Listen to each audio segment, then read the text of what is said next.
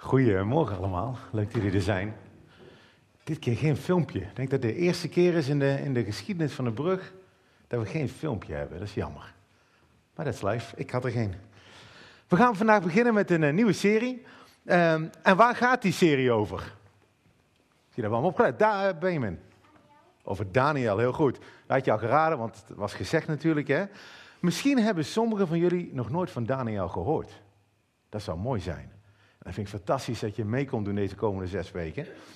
Maar wie heeft er al wel ooit iets over Daniel gehoord? Er komt misschien een verhaal naar boven. Leeuwen. Ik zit helemaal vast. Leeuwen.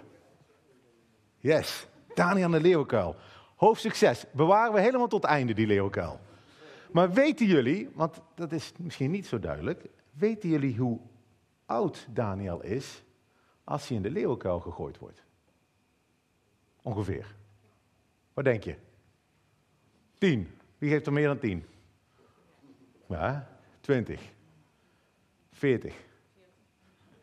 Hij is 81. Ja, 81 als hij in de leeuwenkuil gaat. Plus of min een paar jaar. Hè. We zitten 2600 jaar in de geschiedenis te kijken. Daar kan wel een paar jaar tussen eh, fout zitten. Maar hij is al 81. Terwijl het verhaal vandaag, als we vandaag beginnen, beginnen met Daniel op een jaar of 13, 14, 15. En dat vind ik zo gaaf. We gaan Daniel meemaken in verschillende fasen van zijn leven. vandaag als, als tiener, we gaan hem meemaken als dertiger, eh, in zijn midlife, misschien ook wel crisis, dat weet ik niet. Als zestiger, als bejaarde.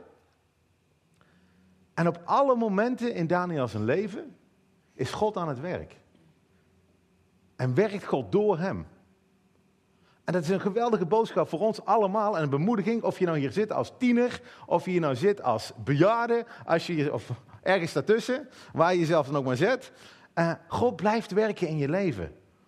En we mogen hem dienen, ongeacht onze leeftijd en de fase waarin we ons bevinden. Ik heb de serie genoemd Het leven in twee koninkrijken. En waarom? Omdat we de komende weken komen een aantal koningen langs. Koningen van het Babylonische Rijk, Mede-Persische Rijk. Uh, we, we, zullen Nebukadnezar tegenkomen. Uh, Belshazzar, Darius. Koningen die ontzettend met zichzelf bezig waren. Die waren bezig met zichzelf groot te maken, hun rijk uit te breiden. Um, met heel veel macht, heel veel ijdelheid zullen we tegenkomen. Druk bezig met, hun, met zichzelf. En vooral niet bezig met God. En ik hoop dat als we naar die koningen kijken, dat we een parallel kunnen vinden met het koninkrijk waarin wij wonen. Wij wonen ook in een koninkrijk. Op mijn paspoort staat Koninkrijk der Nederlanden, meervoud. Nou, dat is toch wel geweldig. Maar ook wij in Nederland, in Eindhoven, zijn ontzettend bezig met onszelf. Liefde voor onszelf in plaats van liefde voor God. Maar in het verhaal van Daniel gaan we ook een tweede koninkrijk zien het koninkrijk van God. We zullen zien dat God bezig is met het bouwen van zijn koninkrijk. Een geestelijk koninkrijk, een koninkrijk van liefde. Een koninkrijk dat blijft staan, ook al als die andere koninkrijken omvallen. Want de ene koning verdwijnt en dan komt er een volgende koning. En dan gaat die koning ook weer weg. En vandaag hebben we geen Babylonisch Rijk meer. Of Romeins Rijk. Of Persisch Rijk. Nou, misschien wel, maar en in het verhaal komen vier jongens tegen. En die leven in dit koninkrijk van Babylon, maar ze willen God volgen. Ze, zijn, ze willen onderdeel zijn van het eeuwige koninkrijk van God. Maar ze vinden dit lastig, omdat de cultuur om hen heen niet meewerkt.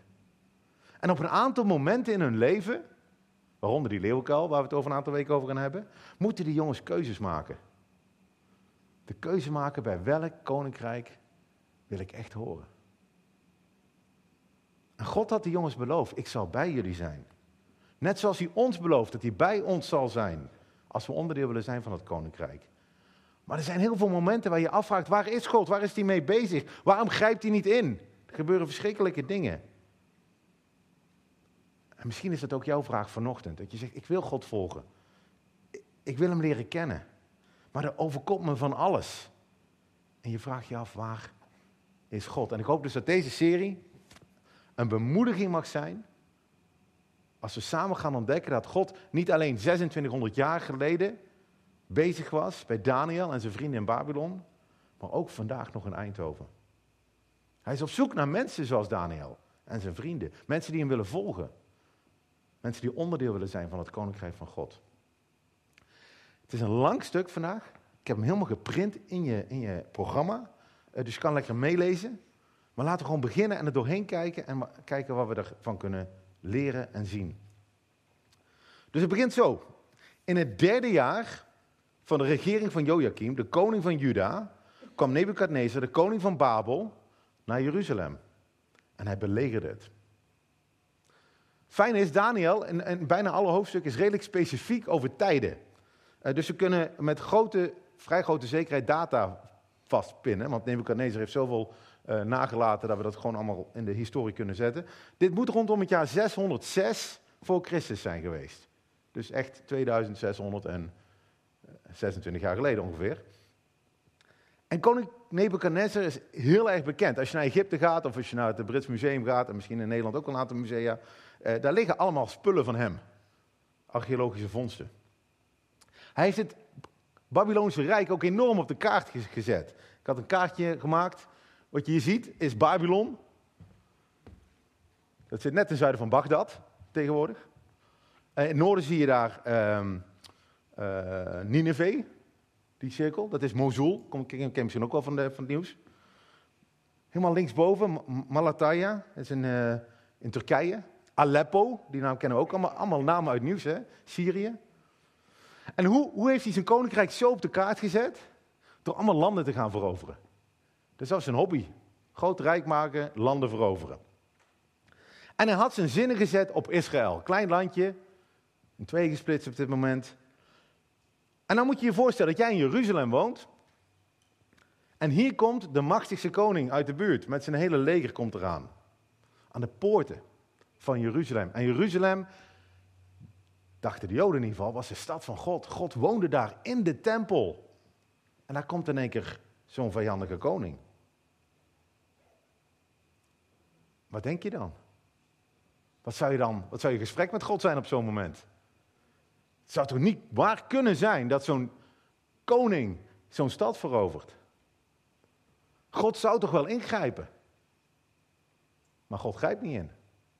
Sterker nog, als we het lezen, doet hij het omgekeerde. De Heere gaf Joachim, de koning van Juda, in zijn hand. God doet wel wat, maar hij doet eigenlijk het tegenovergestelde van wat de Joden verwacht hadden. God werkt door die Nebuchadnezzar heen om het, de stad te overwinnen. Waarom? Nou, het volk Israël was van God afgedwaald. Al jaren riepen de profeten in Israël: ga terug naar God, ga terug naar God. Wees anders dan de volken om je heen. Maar ze waren niet anders dan de volken om hen heen. Ze gedroegen zich niet anders. Ze lieten niet zien dat ze het volk van God waren. En ze luisterden niet naar de profeten. En nu wordt de grote koning Nebukadnezar ingezet door God om de stad Jeruzalem te overwinnen. God is aan het werk. Maar niet op de manier dat de Israëlieten gehoopt hadden. Weet je, als, als jij en ik binnen die muren van Jeruzalem hadden gewoond, zouden we het niet gesnapt hebben dat dit zou gebeuren. Hadden we geroepen, waarom doet God niks? Want kijk eens wat hij doet. De Heer geeft dus die stad in zijn hand en een deel van de voorwerpen van het huis van God komen in zijn hand. En hij bracht die naar het land Sinaar, naar het huis van zijn God. Hij bracht de voorwerpen naar de schatkamer van zijn God.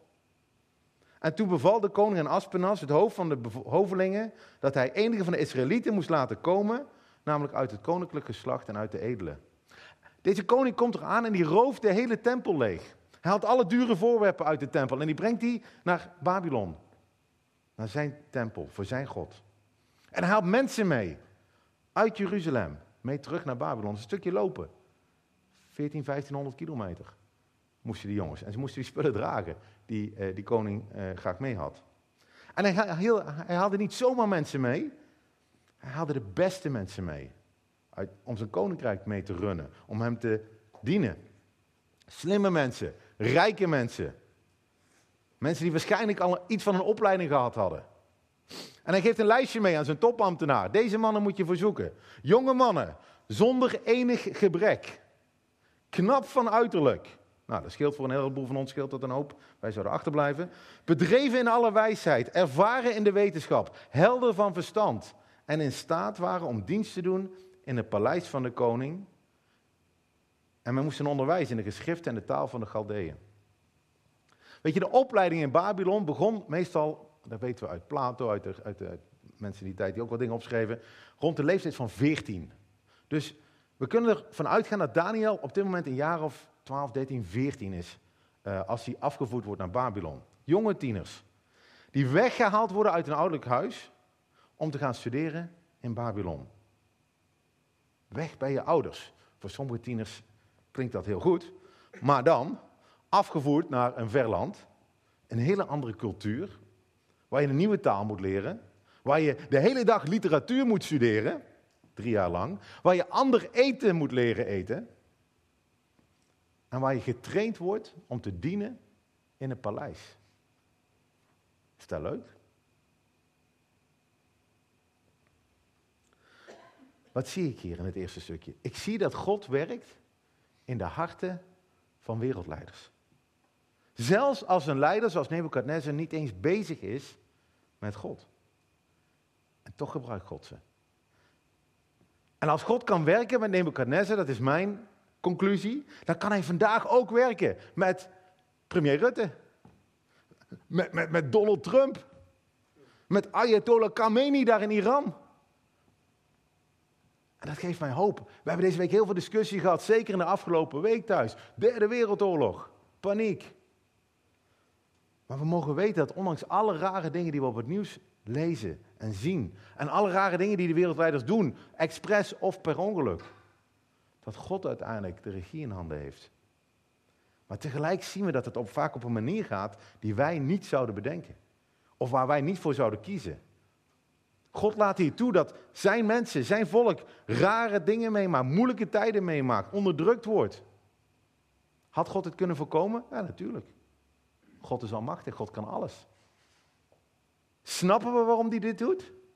Nou, 2600 jaar nadien kan ik een boekje lezen en zeggen, nou, vanaf een afstandje snap ik dit wel. Dat volk was afgedwaald. En, uh, maar als je daar middenin zit, dan zie je dat zeker niet. En, en misschien zul je het ook niet zien. En het is ook niet altijd oorzaak-gevolg. Ik denk die jongens van 14, die hadden nog helemaal niks gedaan. Tegen God of iets fout gedaan. En toch zijn zij slachtoffer hier. Ze worden afgevoerd. De jongens worden gecastreerd, heren. Zoek maar eens op wat hoveling betekent. Zo'n koning wilde niet dat ze aan de dames zaten natuurlijk. Het is niet eerlijk. Het is onbegrijpelijk. En toch staat hier dat het onderdeel is van Gods plan. En wat ik ook zie, en dat vind ik wel heel mooi en heel bijzonder, en ik weet niet precies wat ik daarmee moet, maar ik ga het toch zeggen. Blijkbaar leren we soms meer over God en leven we dichter bij God als we op een plek zijn die niet ons thuis is. We zullen gaan meemaken de komende weken wat Daniel en zijn vrienden gaan leren in Babylon. Dingen die ze nooit geleerd zouden hebben als ze in Jeruzalem waren gebleven. En je ziet dit overal in de Bijbel. Abraham moest weg uit zijn huis. Jozef is weggegaan. Mozes, David, Rut, Jeremia, Ezra, Esther, Ezekiel. Bijna de apostelen moesten, gingen weg van hun huis om Jezus te volgen. Allemaal verlieten zijn huis. Moesten zelf een eigen weg gaan zoeken met God. En soms is het blijkbaar nodig dat we ons niet thuis voelen. En dat we dan dichter bij God komen. Laten we verder lezen. Als we gaan zien dat God niet alleen werkt in de, de harten van die wereldleiders, maar zelfs in de harten van ambtenaren. Dat is goed nieuws als je nog je rijexamen moet doen, of als je in de rij staat bij de gemeente, dat God soms zelfs door ambtenaren heen werkt. Dat is hartstikke mooi. Goed om te onthouden. De koning stelde een dagelijkse hoeveelheid van de gerechten van de koning voor hem vast en van de wijn die hij dronk. Om hen in drie jaar zo op te voeden dat ze aan het einde daarvan in dienst konden treden van de koning. Onder hen waren uit de Judeërs Daniel, Hanania, Misaël en Azaria. Vier vrienden. Het hoofd van de hovelingen gaf hun andere namen. Daniel noemde hij Beltesazar, Hanania noemde hij Sadrach, Misaël Mesach en Azaria noemde hij Abednego. Rakshak en Benny in de geweldige groente eh, cartoon. Drie vrienden die, ik hoop dat ik daar wel nog een videootje van laat zien, die op een gegeven moment voor een chocoladefabriek moeten werken en moeten neerbuigen voor de grote chocoladekonijn. Komen we later op. De oude namen van die jongens, die oude namen, Daniel, we hadden gezegd, God is mijn rechter, die verwijzen allemaal naar hun oude cultuur, zijn Hebreeuwse namen, en verwijzen allemaal naar de God. God is mijn rechter in het geval van Daniel. Ze wijzen allemaal naar hun thuis. En daarom is het zo belangrijk voor, voor zo'n koning om te zeggen: nee, jij bent van mij nou. Ik ga je gewoon een andere naam geven. Een, een Babylonische naam. Ze moesten een nieuwe identiteit krijgen. Eén worden met de nieuwe cultuur. Net zoiets als een Ahmed of een Mohammed die naar Nederland komt en uh, Jan Kees genoemd wordt. Of, of andersom, een Jan Kees die zichzelf Ahmed noemt. Wat doet dat met die jongens? Als je zo jong bent en verhuist, een andere naam krijgt, in die cultuur geassimileerd wordt. En hier komt Daniel. Daniel nu nam zich in zijn hart voor om zich niet te besmetten met de gerechten van de koning of met de wijn die hij dronk. Daarom verzocht hij het hoofd van de hoveling of hij zich niet zou hoeven te verontreinigen. Tieners, er zijn een aantal tieners hier. Een paar zijn er niet, dat is jammer. Stel, je bent 1500 kilometer van huis af. Er is geen ouder in de buurt die er iets van zegt. Je mag eten en drinken wat je wil. De koning heeft allemaal hele lekkere dingen klaarstaan. Je mag nieuwe dingen ontdekken. Je mag leren, studeren wat je wil. Je mag spannende dames ontmoeten. Misschien dat dat niet meer wilde, maar goed. En je woont in een enorm paleis.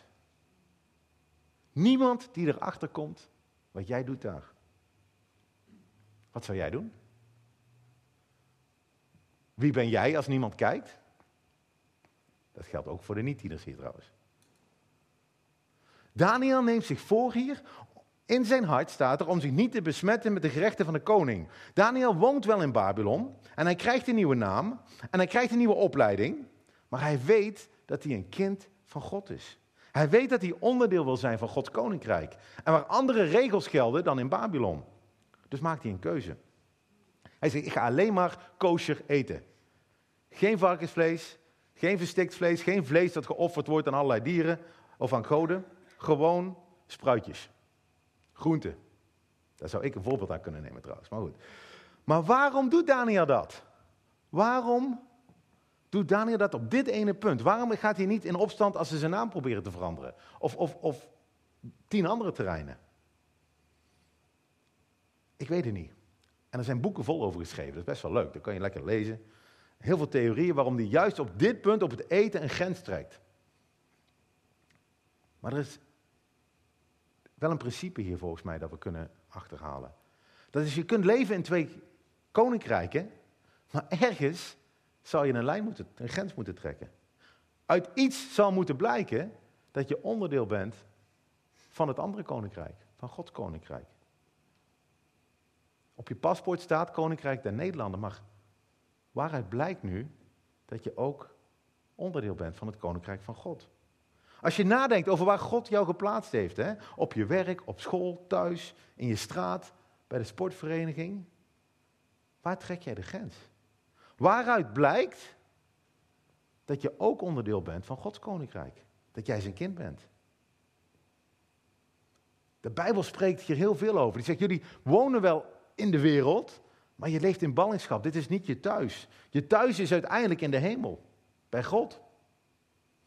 We leven hier in Eindhoven soms als vreemdelingen, net als Daniel in Babylon. En we zijn ook in Christus en leven dus ook in het koninkrijk van God. Dus we moeten een balans vinden. Jezus zegt, we leven in de wereld, maar we zijn niet van de wereld. In de wereld, dus niet allemaal met christenen in de Bijbelbelt in een ghetto bij elkaar een van de christelijke ghetto, maar ook niet assimileren totaal met de cultuur om ons heen. Zou we niet anders zijn. Dus we zijn op school in Eindhoven, maar we zijn ook in Christus in Eindhoven. We zijn op kantoor in Veldhoven, maar we zijn ook in Christus in Veldhoven. We, we kunnen voetballen bij de Woenselse Boys, maar we zijn ook in Christus aan het voetballen daar. We, kunnen thuis zijn met, met schreeuwende kinderen om ons heen, maar we zijn ook in Christus thuis. God wil je gebruiken waar je bent. Thuis, in je straat, op school, bij de club, op je werk. En de vraag is, waar heeft God je neergezet en welk doel heeft hij daarmee? En voor mij is dat doel vrij duidelijk, hebben we een kerstmis over gehad. Jezus zegt, vraagt ons om licht te zijn, om ons licht te laten schijnen. En licht valt niet op in een verlichte kamer. Pieter heeft net een lampje eruit gedaan, zodat we de beamer beter zitten. Hoe meer duisternis er is, hoe meer duidelijker het licht wordt. Dus stuurt God ons in iedere hoek van de maatschappij om het licht van God te laten schijnen. Zodat mensen nieuwsgierig worden naar dat koninkrijk van God. En daardoor mogen we keuzes maken. En God helpt ons daarbij. Kijk maar hoe God daarbij helpt. Hij, God gaf Daniel genade en barmhartigheid bij het hoofd van de hovelingen. Voordat we denken, moet ik trouwens even tussen zeggen, dat, dat Daniel de held wordt van dit verhaal. Daniel wordt niet de held van het verhaal. God wordt de held van het verhaal. Het is God. God die niet achtergebleven is in Jeruzalem. Die tempel was helemaal trouwens uh, uit elkaar gehaald. God gaat mee met Daniel. Gaat mee met zijn vrienden. En hier werkt hij nu door het hoofd van de hovelingen met zijn genade, met zijn gezet. God werkt niet alleen door de harten van de wereldleiders hier, hij werkt hier door de harten van de ambtenaren om dingen voor elkaar te krijgen. En we zullen zien dat iedere keer als die jongens een, een grens trekken en opstaan voor God, keuzes maken, dat zelfs de grootste wereldleiders en, en deze hoveling, hoofd van de hovelingen zullen erkennen dat God God is. En dat er niemand is zoals hij.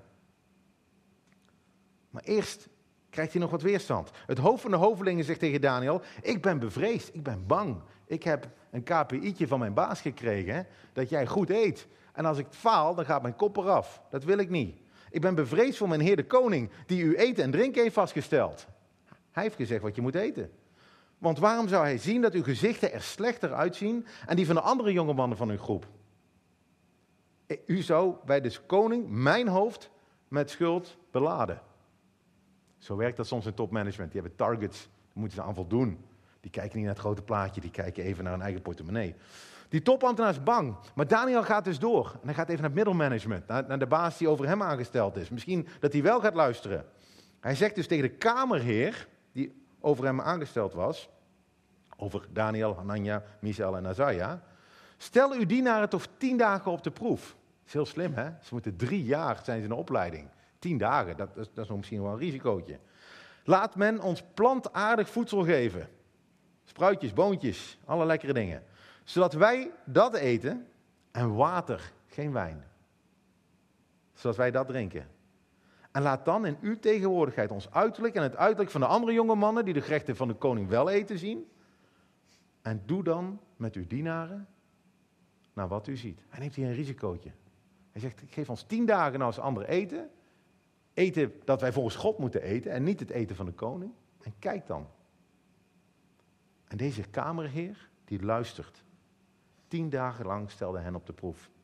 God werkt in het hart van deze ambtenaar, zodat Daniel en zijn vrienden zich kunnen houden aan de wetten van God. Hoe loopt dat af? Aan het einde van de tien dagen zag men dat hun uiterlijk knapper was en zagen ze er gezonder uit. Letterlijk staat hier vetter. Ze zagen er vetter uit. Dat is interessant natuurlijk dat dat gezonder is. Of dat vertaald wordt als gezonder. Dan alle jonge mannen die van de gerechten van de koning aten. Toen gebeurde het dat de kamerheer hun gerechten en de wijn die ze moesten drinken wegnam en hij hun plantaardig voedsel gaf. De proef werkte. Na tien dagen zien ze er beter uit. Doordat ze een grens getrokken hebben. En God reageert ook nog eens op de gehoorzaamheid van Daniel en zijn vrienden. Aan deze vier jonge mannen gaf God kennis en verstand van allerlei geschriften, wijsheid. En aan Daniel, en dat zien we in de komende hoofdstukken, gaf hij inzicht in allerlei visioenen en dromen. Dat zal hij nodig hebben. Weet je, God is hier aan het werk. Hij brengt ze naar Babylon toe. Hij werkt door de harten van de ambtenaren die over hem aangesteld zijn. En hij werkt nu door de levens van deze jongens. Hij geeft ze kennis, hij geeft ze wijsheid, hij geeft ze inzicht. Drie jaar gaan voorbij. En daar staan ze. Aan het eind van de dagen, ze zijn nu een jaar of 17. Aan het eind van de dagen waarvan de koning had gezegd dat men hem moest laten komen, liet het hoofd van de hovelingen hem bij koning Nebukadnezar komen. Moet je je voorstellen. Daar sta je. Drie jaar geleden ben je afgevoerd. Inmiddels heb je een Babylonische naam. Heb je Babylonische kleding aan. heb je je Babylonische VWO-diploma op zak en mag je naar de koning komen. En de koning sprak met al die jongens. Maar onder hen werd niemand gevonden zoals Daniel, Hanania, Misaël en Azaria. Dit is altijd een reflectiemomentje. Als jouw baas komt op het werk en hij ziet alle mensen van je afdeling, hoe praat hij dan over jou? Als jouw leraar op school naar een klas kijkt van 30 kinderen, hoe kijkt hij dan naar jou? Zou het niet geweldig zijn als men zou zeggen: Er is niemand zoals jij? En dan hoop ik dat het gaat over je integriteit, over je reputatie, over het vertrouwen dat mensen in je hebben. En waarom is er niemand zoals Daniel en zijn vrienden? Omdat ze in Babylon zijn, maar ook in Christus zijn. Ze mogen in dienst van de koning treden. In alle zaken waar het op aankomt, op een wijs inzicht, waarover de koning hen ondervroeg, vond hij hen tienmaal beter dan alle magiërs en bezweerders die er in heel zijn koninkrijk waren. En Daniel bleef tot het eerste jaar van koning Kores. God geeft hem wijsheid, zodat ze slimme antwoorden kunnen geven. Slimmer dan de wijste mannen in het koninkrijk. En dan staat er dat laatste zinnetje. waarom staat dat daar, denk ik? Het eerste jaar van koning Kores kunnen we precies dateren. Wat we hier zien is, Daniel blijft er totdat hij boven de 80 is. We, weten ook, we denken ook dat hij gestorven is in Babylon. Er is geen enkel schrift waar staat dat hij terug is gegaan naar Jeruzalem. Maar God zegt hier, in welke fase van je leven je ook zit, en ongeacht je leeftijd, ik ga met je mee, ik ben bij je, ik wil betrokken zijn in je leven, volg mij. Nou, sluit je aan bij mijn koninkrijk, of je nu jong bent of ouder. En misschien als we zeker de komende weken gaan lezen, en je leest verhaal dat hij dat die, dat die grenzen stelt, dat hij dingen niet doet die hem opgedragen worden, denk je, ja, ik, dat is mooi, en dat is knap van Daniel dat hij dat doet, maar ik ben niet zoals Daniel. Ik ben niet zo principieel. Ik, ik ga voortdurend over die grens heen. Misschien als je alleen maar terugkijkt naar vorig jaar, naar 2019, denk je, ik, ik, leef heel ver van God af. Ik, ik heb geen grens getrokken, nergens niet. Ik ben meegegaan in de cultuur om me heen. Op zoveel manieren heb ik misschien God verdriet gedaan. Ik, ik ben niet zoals Daniel. Maar dat is de gave van dit boek. Daniel is niet de held van dit verhaal. God is de held. We hoeven niet op Daniel te lijken. We krijgen onze kracht niet van Daniel. We worden alleen door hem bemoedigd. We krijgen onze kracht van Jezus. Jezus die nooit over een grens heen is gegaan. Jezus die nooit voor Nebuchadnezzar of, of of Darius gestaan heeft, maar die wel voor Pontius Pilatus gestaan heeft.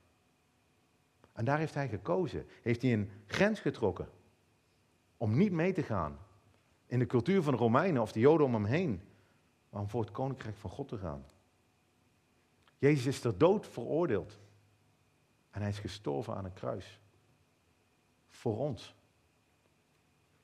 Hij die geen zonde gekend heeft, staat er in de Bijbel, heeft hij voor ons, heeft God voor ons tot zonde gemaakt. Opdat wij zouden worden gerechtigheid van God en hem. Jezus die geen zonde kende, die nooit die grens overging, werd tot zonde gemaakt, zodat wij vol, vol vrijheid, vol rechtvaardigheid en zonder schuld voor God mogen staan. Als je jezelf niet kan identificeren met Daniel, kijk dan naar Jezus. En kijk naar hoe hij ons schoonmaakt, ons rechtvaardigt. Jezus die ook een balling was, ook zijn thuis verlaten heeft bij God de Vader, om vreemdeling te worden op aarde. Zoals wij, zodat wij als vreemdelingen hier in Eindhoven naar hem mogen kijken. Kijk hoe hij geleefd heeft. Kijk hoe hij het perfecte voorbeeld is geweest voor ons. Hij geeft ons kracht in moeilijke tijden. En hij neemt ons straks aan de hand en hij brengt ons thuis. Laten we dat beeld voor ons houden de komende weken in deze serie. Ik wil bidden. Heer God, dank u wel dat, u deze hele oude tekst geopend hebt. En dat hier thema's naar boven komen die relevant zijn voor ons vandaag. Heer, dank u dat u almachtig bent. Dat u groot bent. Dat u zelfs door de harten van wereldleiders kan werken, Heer. En daar wil ik ook bidden, Heer. Wilt u door de harten van Rutte, van Trump, van de Ayatollah werken, Heer. In de tijd waarin wij leven. Heer, dank u voor deze jongens hier. Deze jonge mannen, waar ik best wel van onder de indruk ben, Heer. Die, die afgevoerd worden op zo'n jonge leeftijd en keuzes maken voor u. Heer, ook wij voelen ons soms zwak en we vinden het moeilijk om keuzes te maken. Dank u dat u ons kracht geeft als we willen leven volgens uw principes. Hoe moeilijk dat ook soms is. Help ons, Heer, om naar Jezus te kijken, die voor ons gestorven is. Heer, we kijken uit naar het koninkrijk dat komt, dat u ons aan de hand neemt en ons thuis brengt.